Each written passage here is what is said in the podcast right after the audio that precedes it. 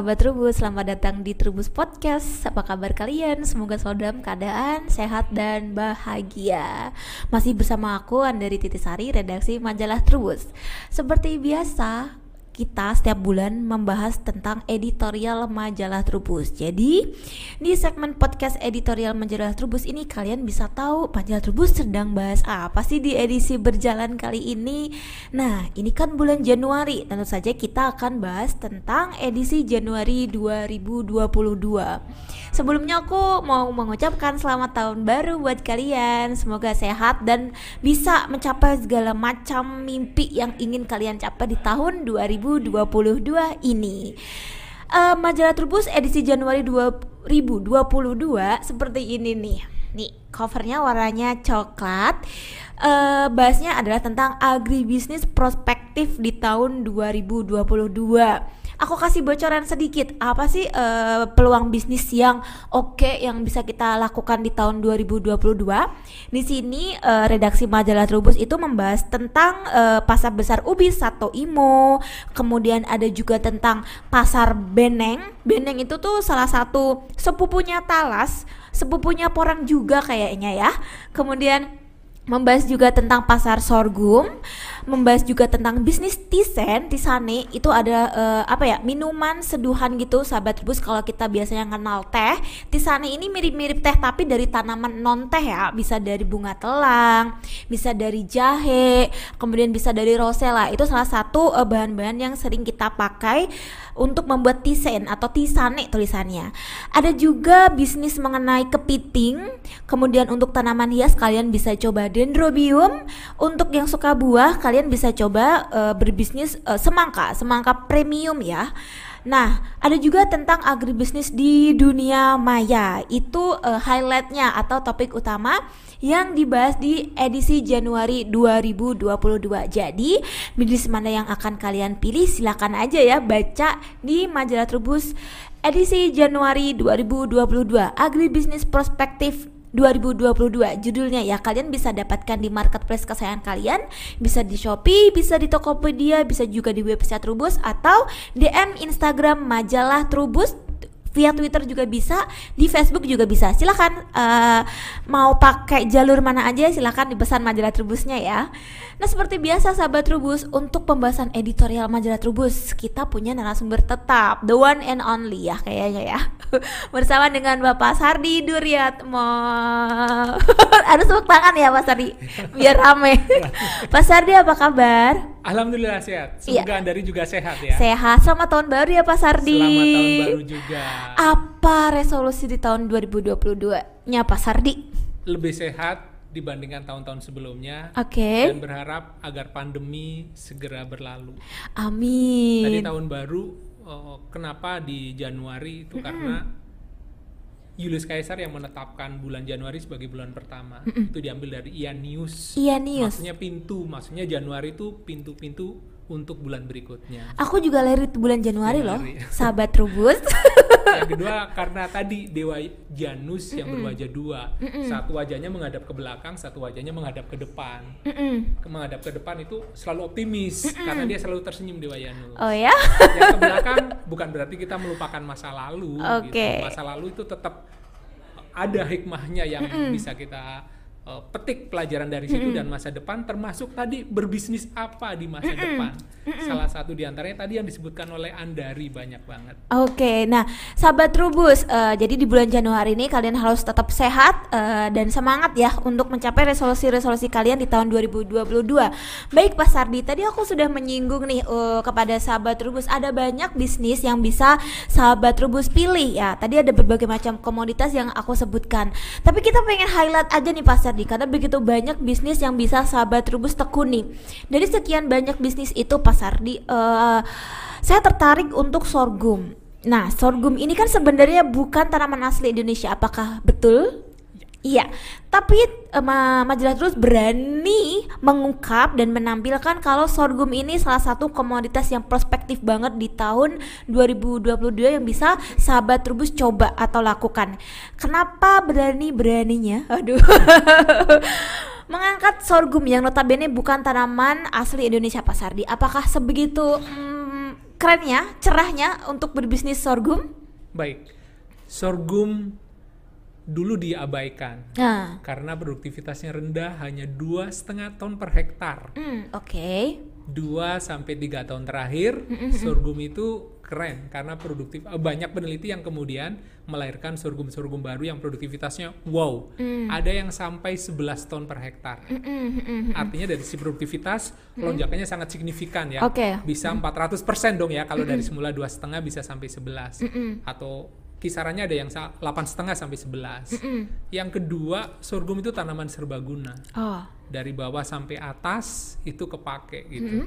Petani dengan sekali menanam sorghum bisa panen nira dari batangnya. oh berarti Sorghum. nira itu gula ya, Mas Ardi? Gula, bahan Oke. gula. Jadi seperti tebu batang. Tapi dibandingkan tebu, sorghum lebih singkat. Oke. Petani perlu waktu 11 bulan kalau ingin memanen tebu. Tebu. Tapi kalau sorghum cukup 3 sampai 4 bulan. Oh, oke, oke. Itu yang pertama dari durasi lebih singkat ya. Masa budidaya lebih singkat ya. Uh, tadi kan panen nira, yang Panen kedua nira. panen bijinya, Serealia, malainya oh. untuk bahan nasi, bahan baku karbohidrat, dibuat tepung, kue dan seterusnya itu juga bisa. Uh, dulu sorghum ketika panen umur 3 atau 4 bulan daunnya menguning. Sekarang daunnya tetap hijau, artinya bisa untuk pakan ternak juga. Oh, oke. Dan ternak ruminansia, ruminansia besar dan ruminansia kecil itu menyenangi daun sorghum karena lebih gurih dan tetap hijau meskipun sudah panen umur 3-4 bulan. Hmm. Artinya sekali menanam sorghum, petani itu bisa panen tiga komoditas lah boleh dibilang nira di, dari batang, terus kemudian biji, malai tadi dan kemudian daun ada tiga. Itu dari sisi komoditas ya yang dipanen, durasinya lebih singkat. Eh, yang ketiga, petani bisa ratun. Ratun, apa Iya. itu ratun? Oh, bukan ratun tikus bukan. Ratun itu racun. Ratun itu sekali udah panen nih tiga bulan akan ditebang disisakan 10-15 cm batangnya. Terus nanti akan tumbuh lagi pemupukan akan panen lagi. Panen ratun itu lebih singkat lagi 70 hari sejak penebangan pertama. Sampai berapa kali itu kita bisa melakukan ratun itu? Berapa kali panen untuk Ya, peneliti tertentu mengatakan 10 kali. Peneliti lain mengatakan 4 kali. Hmm. Jadi saya sampaikan antara 4 sampai 10 biar aman. Berarti eh, misalnya nih aku punya pohon sorghum, berarti aku pangkas Panen sekali. sisain 10 ya, Ah, 10 15 sampai sentimeter. 15 cm lalu akan tumbuh lagi cabang Iya, baru. panen lagi 70 hari kemudian. Panen lagi 70 hari kemudian bisa panen lagi, Lagi, 70 hari kemudian empat sampai kali. 4 sampai 10 Ah, kali. empat kali Di ya. satu tanaman yang Tentu sama. pemupukannya juga nggak boleh dilupakan Iya, karena benar. perlu nutrisi untuk menghasilkan malai dan nira tadi. Oh iya. Tadi kan bisa kita panen niranya, kita bisa panen eh, malai atau bijinya pasar Iya. dia dan kita bisa panen juga daunnya. Nah, apakah itu bisa dilakukan dalam satu waktu yang sama atau misalnya gini Pak Sardi, untuk nira 3 tiga bulan kita bisa panen. Tapi kalau misalnya kita mau panen serealia, kita harus nunggu dulu selama lima bulan mungkin. Nah, seperti itu atau gimana? Atau pas tebang kita langsung dapat batang kita peres jadi nira, dapat eh, serealianya dan dapat eh, daunnya yang hijau. Ya, yang kedua. Jadi Yang sekali kedua. tebang bisa kalau daun bisa dicicil dari awal ya. Oh, kalau iya. misalnya punya pakan eh, punya ternak gitu, oh, daunnya mulai dikurangi itu nggak masalah, kan tinggal pemasakan. Iya. Nah, panen niranya tentu bareng dengan biji gitu, itu bersamaan gitu. Oh, aku pikir ini ber- bisa kita milih gitu. Kalau panen eh, nira ya batangnya aja, nanti Itu bisa sekaligus. Oh, antar- itu bisa sekaligus. Makanya eh, disebutnya komunitas yang seksi nih sahabat Iya. rebus karena kita bisa dapet tiga faedah sekaligus kalau kita menanam sorghum ya Pak Sardi. Iya. Nah, kalau sorghum itu sama seperti padi banyak varietasnya gitu nggak sih Pak Sardi? Ya, sekarang tadi punya banyak pilihan ya. Oh. Kalau dulu sorghum-sorghum yang lokal di Indonesia produktivitasnya rendah karena juga budidayanya tidak seintensif sekarang kan. Untuk daerah kering seperti di apa Indonesia Timur tuh cocok banget. Makanya dikembangkannya sekarang udah meluas sorghum intensif. Nah, varietasnya cukup banyak. Ada yang bioguna misalnya itu produktivitasnya bisa sampai 9 11 ton.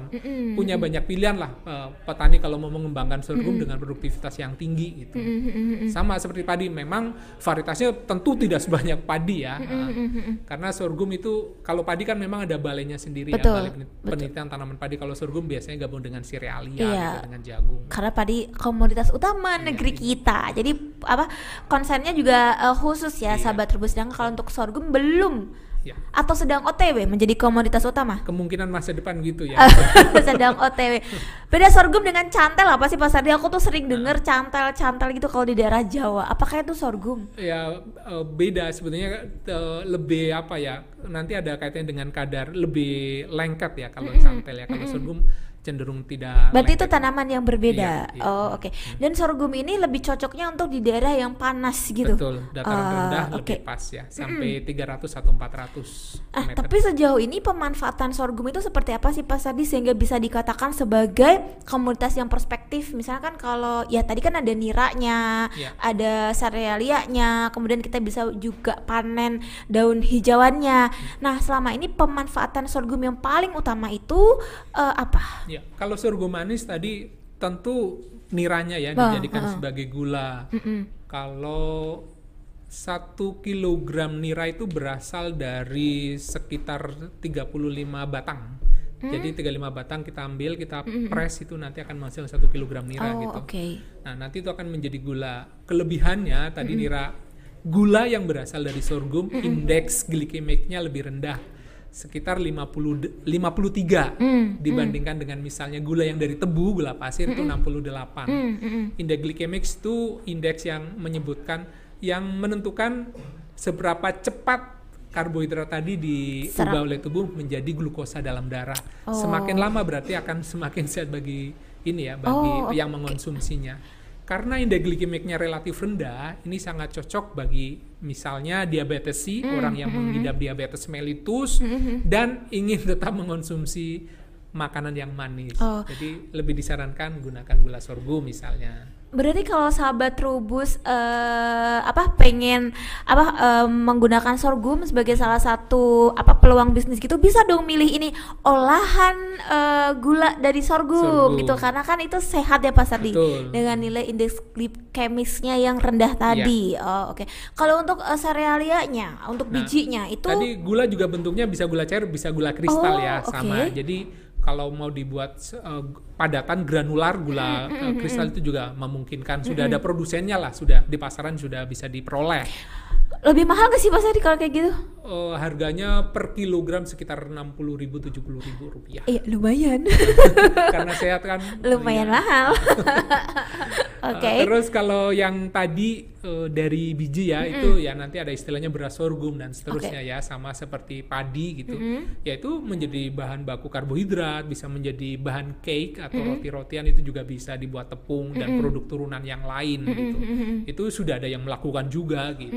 Jadi bukan uh, baru rencana-rencana tidak, sudah di di pasaran artinya sudah ada yang melakukan gitu. Nah, turunannya itu. Oke, berarti ada turun. Kalau untuk eh, apanya eh, hijauannya tadi itu juga sudah banyak eh, peternak yang memanfaatkan hijauan atau daun dari sorghum itu tidak? Iya, sudah sudah dilakukan juga. Bahkan sebetulnya batang yang diambil niranya itu kan bisa digunakan sebagai bahan baku pakan ternak juga ya. Diolah dengan molase tertentu itu bisa menjadi pakan ternak juga gitu. Tapi lebih gurih ya Pak Iya, Sari. ah.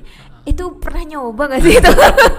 itu berdasarkan informasi para peternak yang menggunakan batang dan daun itu, Hmm. ternaknya lebih lahap ketika mengonsumsi daun dan batang. Jadi karena ternaknya lebih lahap itu eh, indika apa namanya dibilangnya lebih gurih gitu ya. Iya, Padahal kan palatabilitasnya lebih pas dengan lidah ruminansia ini. lebih pas dengan lidahnya sapi, dengan lebih pas dengan lidahnya kambing ya Iya. untuk eh, daun dari eh, sorghum, tanaman sorghum. Pas tadi tanaman sorghum itu dari mana sih sebenarnya?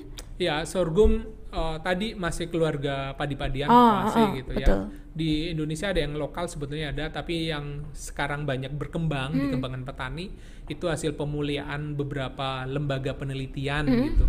Ada Balai Penelitian eh, Batan itu juga mengeluarkan, eh, Kementerian Pertanian juga mengeluarkan Hmm, gitu.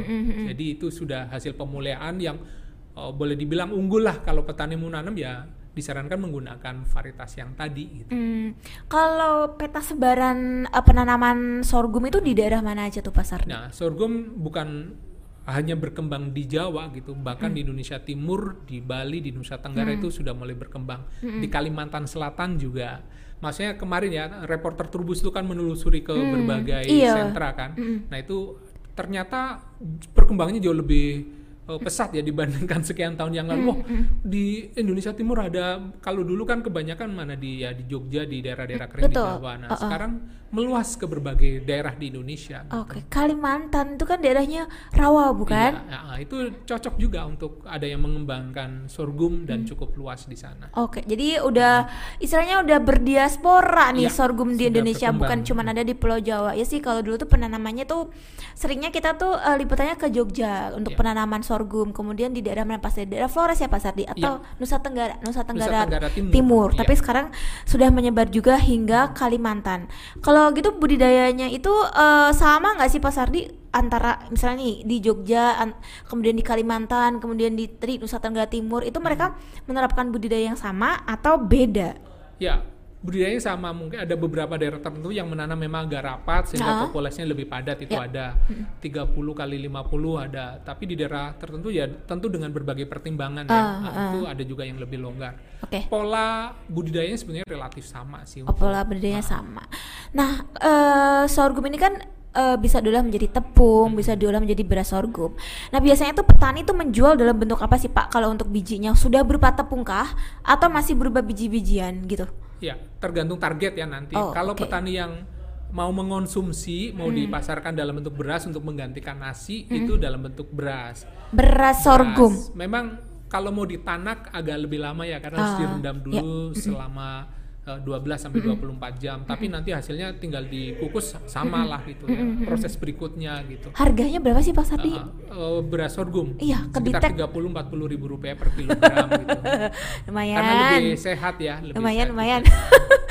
Nah, terus kalau misalnya ada sekarang juga berkembang kue-kue yang berasal dari sorghum, nah itu sudah di dalam bentuk tepung gitu. Nah ini sudah berkembang mengindikasikan bahwa eh, sebenarnya sorghum juga diminati oleh masyarakat Indonesia ya, karena para pelakunya itu makin bertambah. Makin bertambah. Sebagian juga diekspor tadi tepung ya ke Eropa, ke Turki, ke Korea Selatan itu pelaku-pelaku ekspor.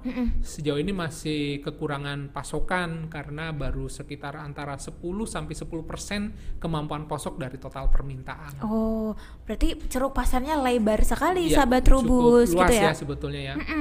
Yang 1 sampai 10% tuh kira-kira eh, dari total kiriman rutin per bulan antara 90 sampai 100 ton Uh, uh, uh. sorghum per bulan ya rutin. Nah, tuh sahabat rebus, ada banyak curug pasar yang bisa kalian eh, apa kalian ambil sebagai peluang bisnis di tahun 2022.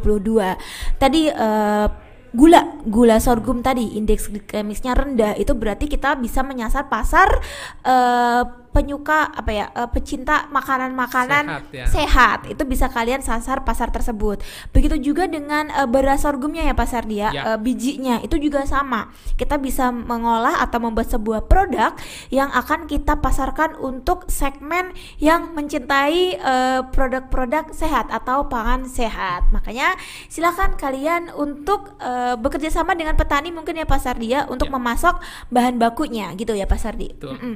dan untuk petani juga ada varietas unggul yang bisa kita tanam sesuai dengan daerah kita masing-masing gitu ya kalau misalnya kita ada di Flores mungkin eh, cocoknya varietas jenis apa tuh Pak Sardi akan di tag gak semacam itu oleh Iya, eh, redaksi varietas-varietas pilihan yang sekarang beredar di pasaran antara lain Bioguma 1, Bioguma 2, dan Bioguna 3. Bioguma 1, 2, 3 tiga, iya. itu eh, rilisan mana tuh Pak Sardi? Itu dari Batan, yang dari terbaru Batan ya. Yang terbaru Iya. dan itu eh, petani sudah bisa mendapatkan tiga varietas tersebut Bioguma 1, 2, 3 Iya, sudah. Bisa dijelaskan sedikit nggak Pak Sardi kelebihan bioguma bioguma 1 2 3? Ya, itu Bioguma apa eh, indeks glikemiknya rendah tadi udah disebutkan Ya, ya. uh-uh. Tingkat kemanisannya sekitar 21 derajat Brix gitu ya. Kalau buah dengan kemanisan 15 16 kan udah manis ya. Ini niranya berarti udah kategori manis sekali Iya, gitu. uh-uh. Uh, terus eh, cocok untuk dataran rendah sampai menengah Uh-uh. Bioguma dan eh, produksinya sekitar rendemennya eh, 10%. Jadi kalau kita mengolah 100 kilogram nira nanti akan menghasilkan rata-rata sekitar 10 kilogram gula. Gula. Nah, itu kalian bisa pilih bioguma 1, 2 atau 3 ya Pak Sardi. Nah, itu untuk sorghum.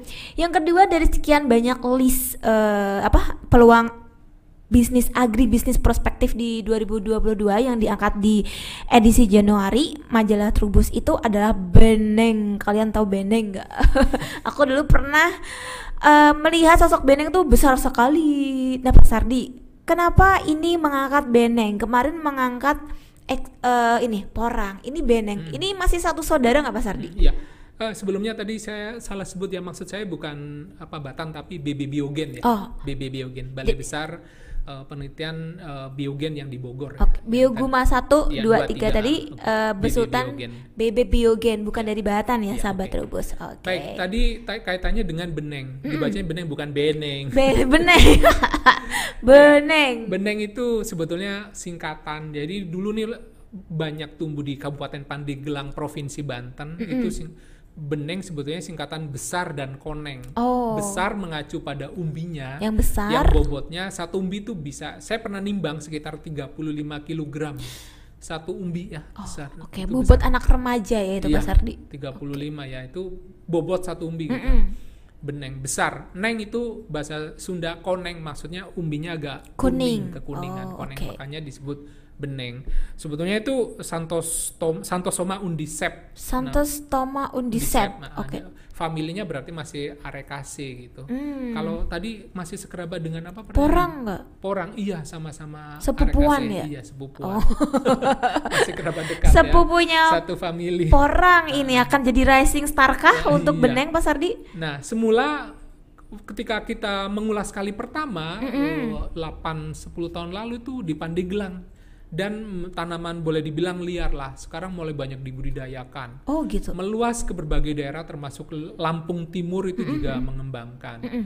Harganya memang kalau umbinya itu hanya 2.500 mm per kilogram. Tapi dikali. Kali bobotnya tadi 30. 2.500 kali 30 silakan hitung sendiri berapa itu. 60 70 ribu satu iya. umbi ya. Mm -hmm. uh, itu kalau di pasar lokal. Kalau di, untuk ekspor ini juga mulai diekspor dibuat mm -hmm. chip diiris kecil-kecil dan ada yang juga membuat tepung mm. diekspor ke Belanda itu juga permintaannya para pelaku masih kekurangan pasokan mm. itu juga cukup besar gitu. oh. itu beneng. Mm. Kenapa tiba-tiba orang tertarik untuk ikut-ikutan menanam beneng padahal dulu banyak yang temukan itu ada tanaman liar di Pandeglang. Nah, ini kolagennya tinggi ya kalau beneng ya. Anti aging. Iya, terus yang kedua ini digunakan untuk kalau vegan atau kaum vegetarian mm. yang tidak mengonsumsi produk hewani terutama daging mm -mm.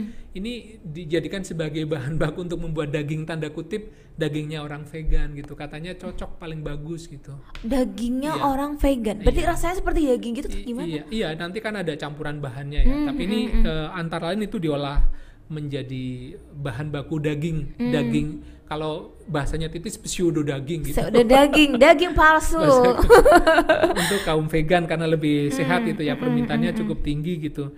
Nah, beberapa pelaku bisnis sih yang di berhasil dihubungi Trubus itu masih kewalahan gitu. Ada yang rutin memasok 6 ton chip tapi permintaannya uh, masih apa? pasokannya masih kurang gitu. Ada yang di Papua juga nih yang wah uh, beneng sampai Papua juga ada yang mengembangkan PT Pace itu. Mm -hmm uh, itu permintaannya juga tinggi mm -hmm. gitu ya. Mm -hmm. Mereka ekspor ke berbagai negara termasuk Belanda, permintaannya mm -hmm. cukup besar dan belum terpenuhi semuanya. Oke, tadi ada yang uh, apa rutin untuk memproduksi 6 ton ya. Itu yeah. 6 ton tepung atau 6 ton apa tuh Pak Sardi? 6 ton chip. 6 ton chip yeah. itu aja uh, masih kurang ya masih ya untuk kurang, memenuhi ya. kebutuhan hmm. pasar atau permintaan pasar. Ini memang tadi Pak Sardi sering menyebutkan ada ekspor dan ekspor. Ini berarti memang tujuannya untuk pasar ekspor atau pasar dalam negeri belum tahu nih lagi-lagi belum tahu uh, apa manfaatnya atau peluang bisnisnya. Iya, pelaku kebanyakan ekspor ya, ekspor hmm. ke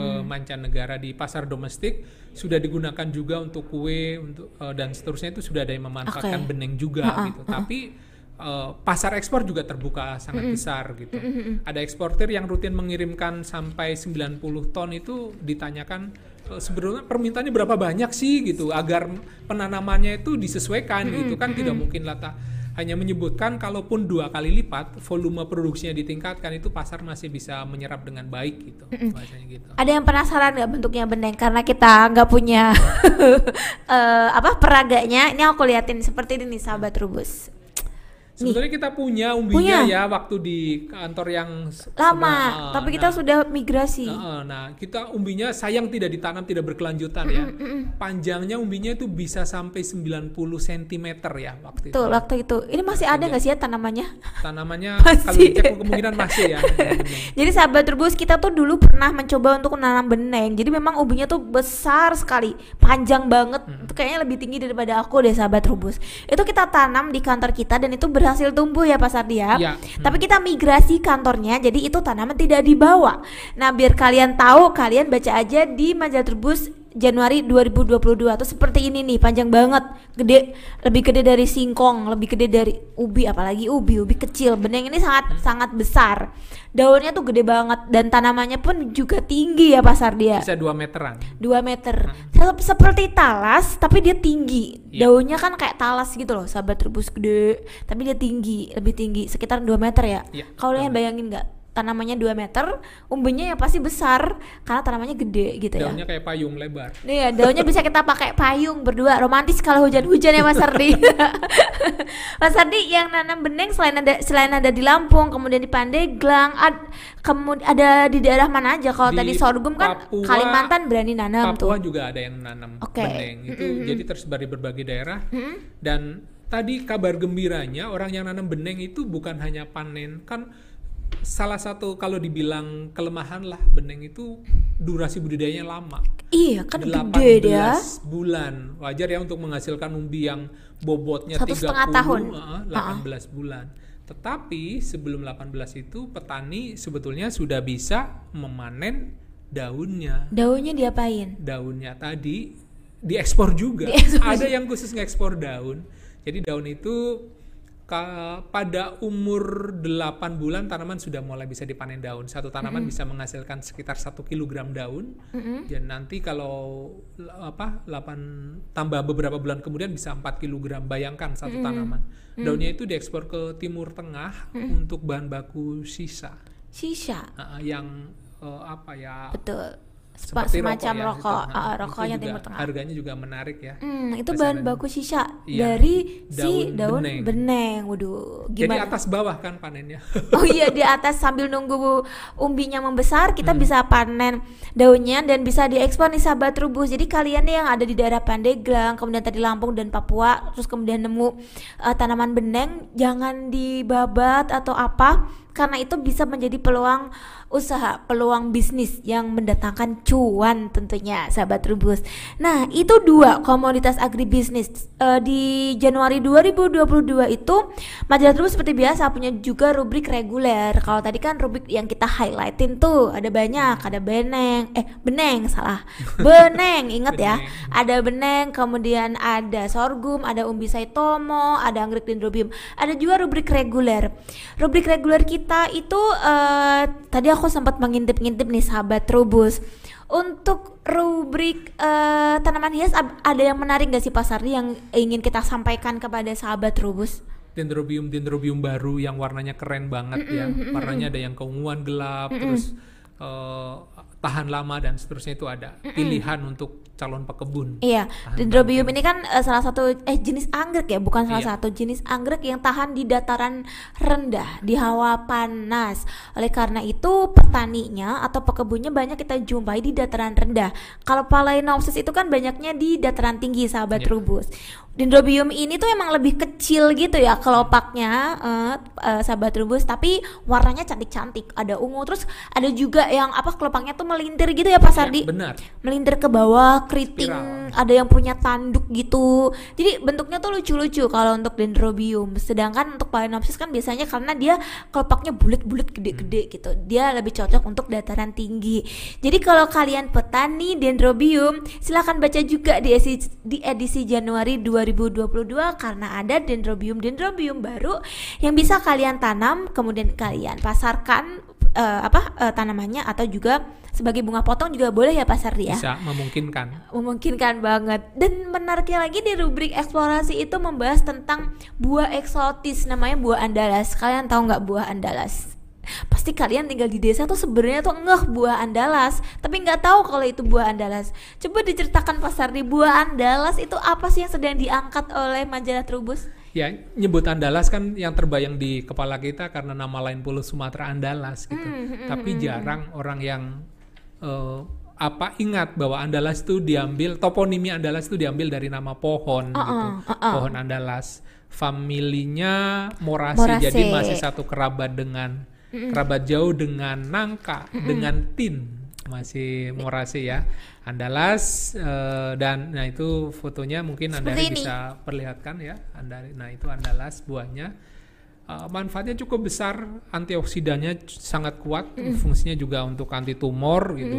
Sayang kalau tanaman ini makin hari makin langka. Iya. Kalau di Sumatera Barat, tiang-tiang rumah gadang itu antara lain berasal dari pokok Andalas Pokok tadi. Andalas. Uh, makanya kampus Universitas Andalas di Padang Sumatera Barat juga mengabadi menanam pohon ini gitu sebagai apa landmark atau inilah uh, agar orang tahu oh ini pohon Andalas gitu ya. Sebenarnya di Jawa ada tapi pasti sudah mulai langka ini. Kebayang nggak bentuk andalas? Aku ceritain tuh dulu waktu kecil aku sering menemukan buah ini. Bentuknya tuh mirip murbei, sahabat rubus. Tapi kan kalau murbei tuh kecil-kecil tuh kan buahnya paling hanya segini lah ya, satu ruas jari. Ini tuh andalas seperti murbei tapi dia panjang.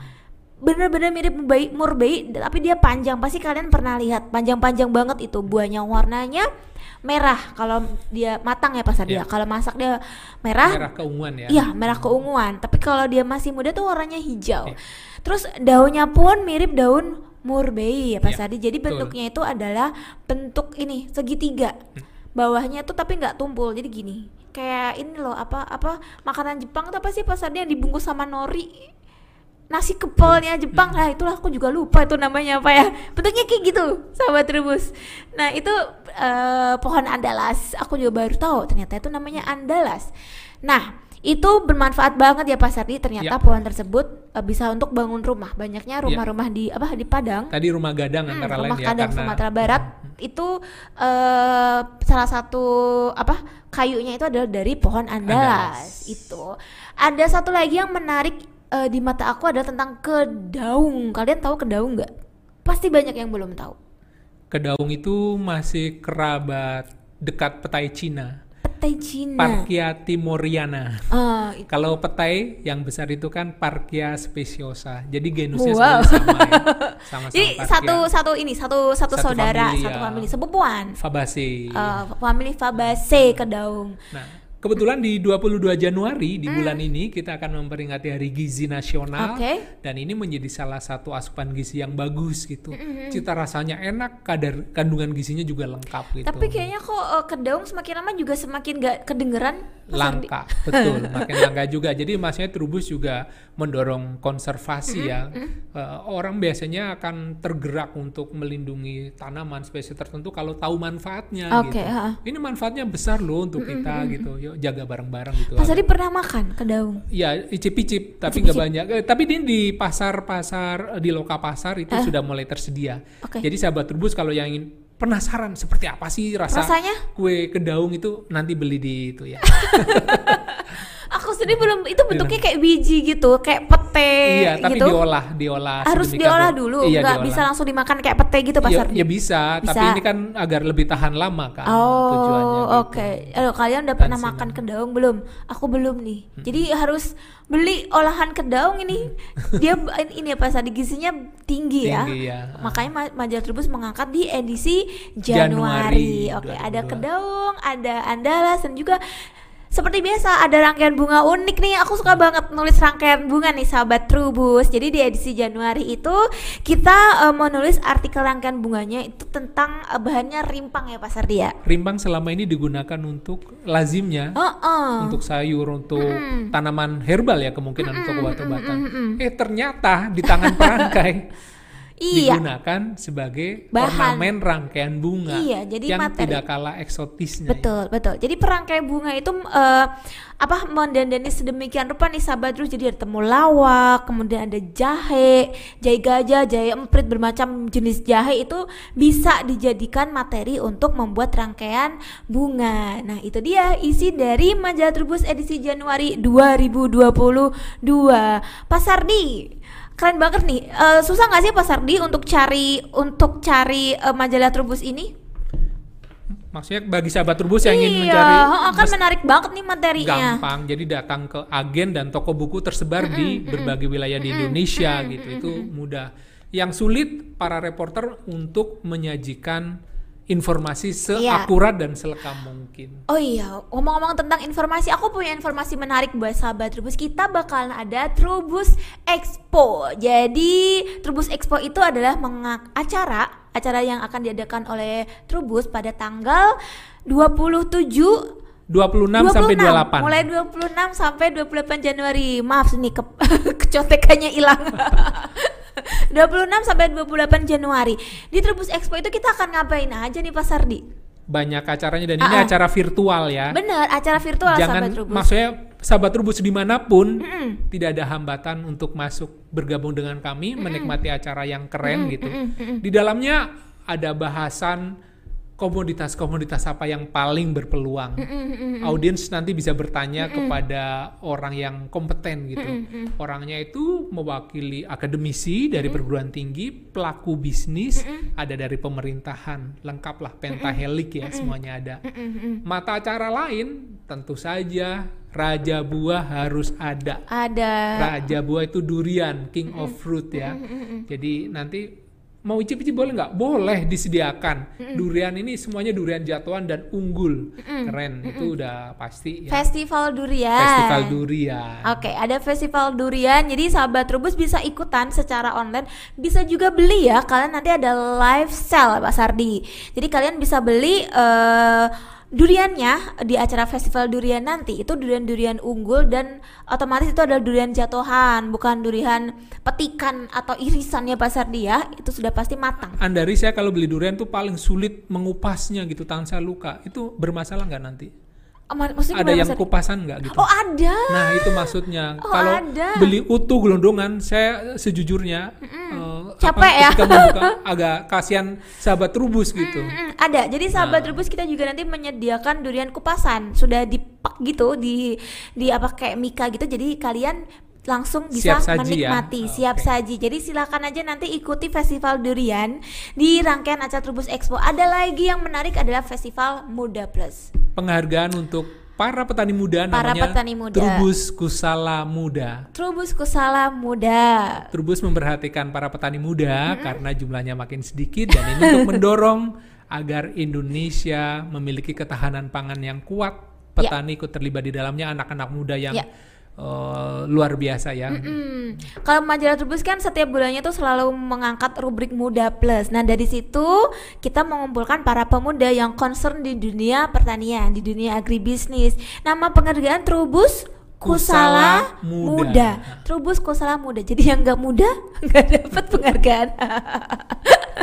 Ini khusus untuk petani muda ya sahabat Trubus. Kalian bisa menyaksikan di acara tersebut mulai tanggal 26 sampai 28 Januari. Untuk info selanjutnya atau info selengkapnya, kalian bisa baca juga di majalah Trubus edisi Januari 2022 atau kalian mic-nya sampai geser. Atau kalian bisa juga untuk eh, lihat informasinya di Instagram Majalah Trubus atau di Facebook Majalah Trubus atau di Twitter Majalah Trubus. Nanti kita eh, kasih informasi selengkapnya mengenai acara tersebut di media sosial kita. Oke, semangat banget nih Pak Sardi untuk Trubus Expo. Semangat. Semangat ya. Oke, sahabat Trubus, terima kasih Pak Sardi sudah meluangkan waktunya setiap bulan bersama dengan saya dan juga sahabat Trubus membahas mengenai isi majalah Trubus terbaru atau edisi yang sedang berjalan. Terima kasih juga buat sahabat Trubus yang sudah menyaksikan podcast ini atau mendengarkan di Spotify. Jangan lupa ya kita ada di Spotify juga ya, namanya Trubus Podcast sama dengan nama eh, di YouTube ini. Oke, terima kasih banyak Pak Sardi atas waktunya. Terima kasih Andari, terima kasih sahabat Trubus. Terima- Sampai bertemu pekan depan. geser terus nih mic-nya saking semangatnya sampai ketemu sahabat Trubus di podcast Trubus editorial majalah Trubus selanjutnya dah